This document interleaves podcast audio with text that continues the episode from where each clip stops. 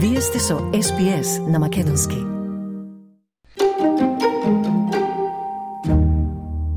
Премиерот Димитар Ковачевски на крајот од дводневниот самит на НАТО Алијансата, што се одржа во главниот град на Литванија Вилнус, на пресконференција говореше за перспективата на Македонија, како и за тоа што значат донесените одлуки на самитот за Алијансата за нашата држава како НАТО членка и за регионот.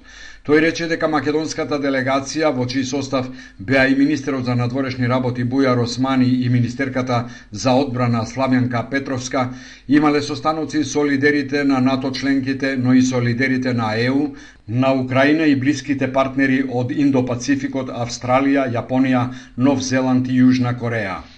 Ковачевски рече дека македонската заложба според стандардите и обврските спрема НАТО за инвестиции во одбраната од најмалку 2 насто од бруто домашниот производ, од кои 20 насто треба да се наменети за модернизација, се веќе приближно остварени.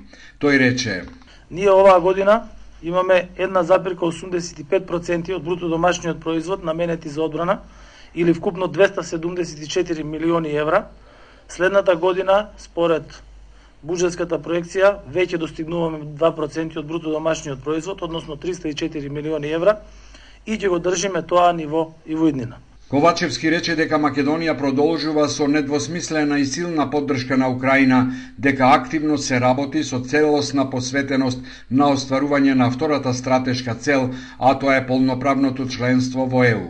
Ковачевски меѓу другото рече: Секое кочење кое политички партии пред се од опозицијата го прават во нашата држава и тука најмногу мислам на ДПМН и кои што го прават во собранието и во однос на блокадите на реформите и во однос на несоработката за одлуката за уставните амандмани е директно и активно работење против зачленувањето во Европската Унија, а со тоа и против НАТО и стабилноста и безбедноста на регионот.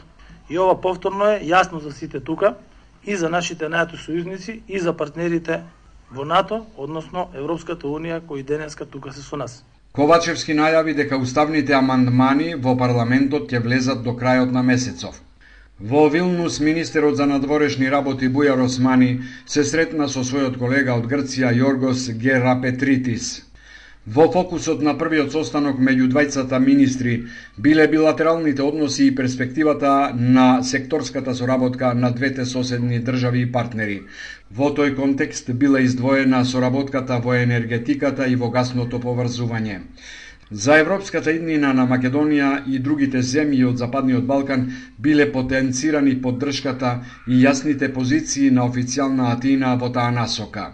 Грција продолжува да биде цврст партнер на нашата земја и на регионот во напорите што побргу и успешно завршување на пристапниот процес за членство во Европската Унија, за што ја пренесов нашата благодарност, истакна Османи по средбата.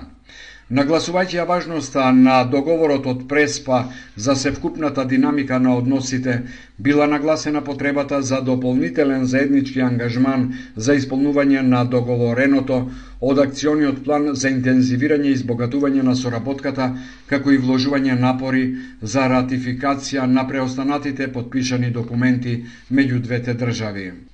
Истражните органи се уште чекаат да бидат повикани на состанок кај јавниот обвинител Љубомир Јовески за така наречениот Национален фронт за борба против корупцијата, чие формирање го инициира и го најави тој по вонредниот инспекцијски надзор за случаите против струшкиот градоначалник Рамис Мерко, откако Америка го стави на својата црна листа но институциите не го поддржуваат овој предлог затоа што, како што велат, нема потреба од ново тело, зашто има институции што треба да си ја вршат работата.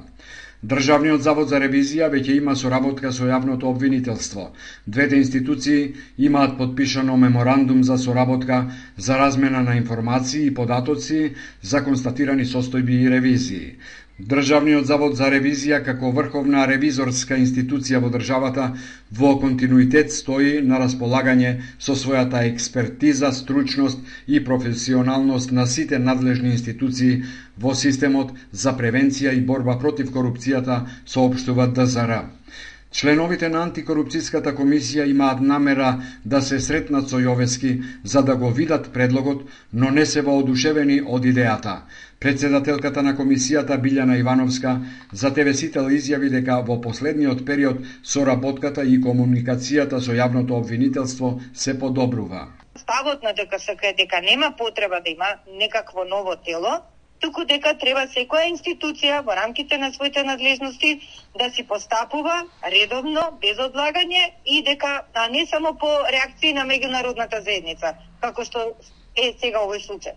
Ниту министерот за внатрешни работи Оливер Спасовски не е воодушевен од тоа да се формира ново тело.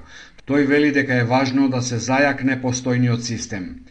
Владата на завчерашната седница донела одлука за зголемување на стапката на данокот на додадена вредност од 5 на 18% за пелетите, за котлите и за печките на пелети.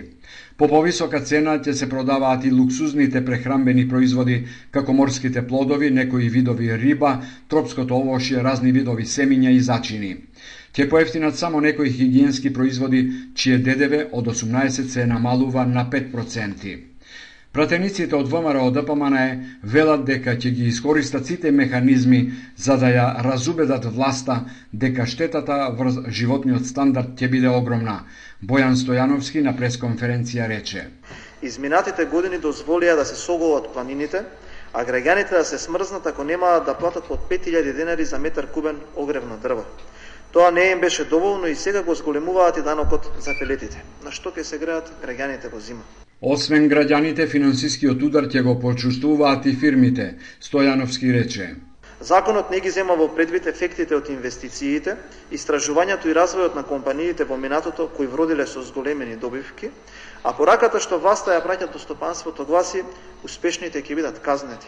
Солидарен данок ќе плаќаат околу 200 компании кои во 2022 година оствариле приход од над 10 милиони евра и профит за 20 на 100 поголем од 4 годишниот просек.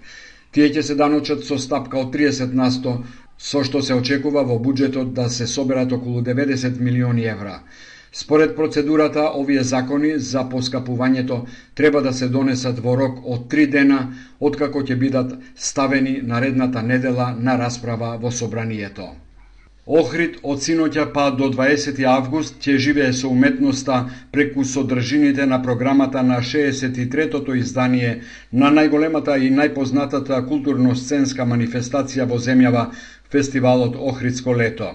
Програмата ќе се одржува на сцените на Античкиот театар на црквата Света Софија, на незиното предворје, на сцената Долнисарај, во Центарот за култура Григор Прличев, но и на други интересни локации низ градот.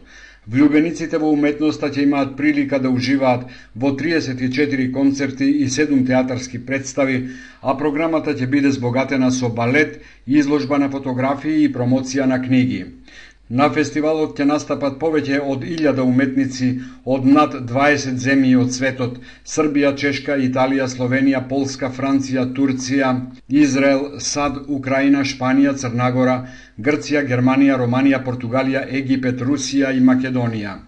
Годинешново Охридско лето синоќа го отвори председателот на државата Стево Пендаровски со цитатот Блаже Конески.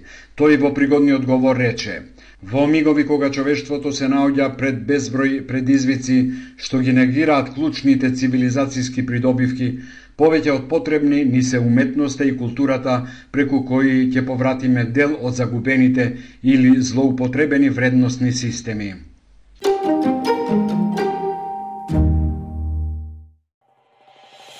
Сакате ли да чуете повеќе прилози како овој?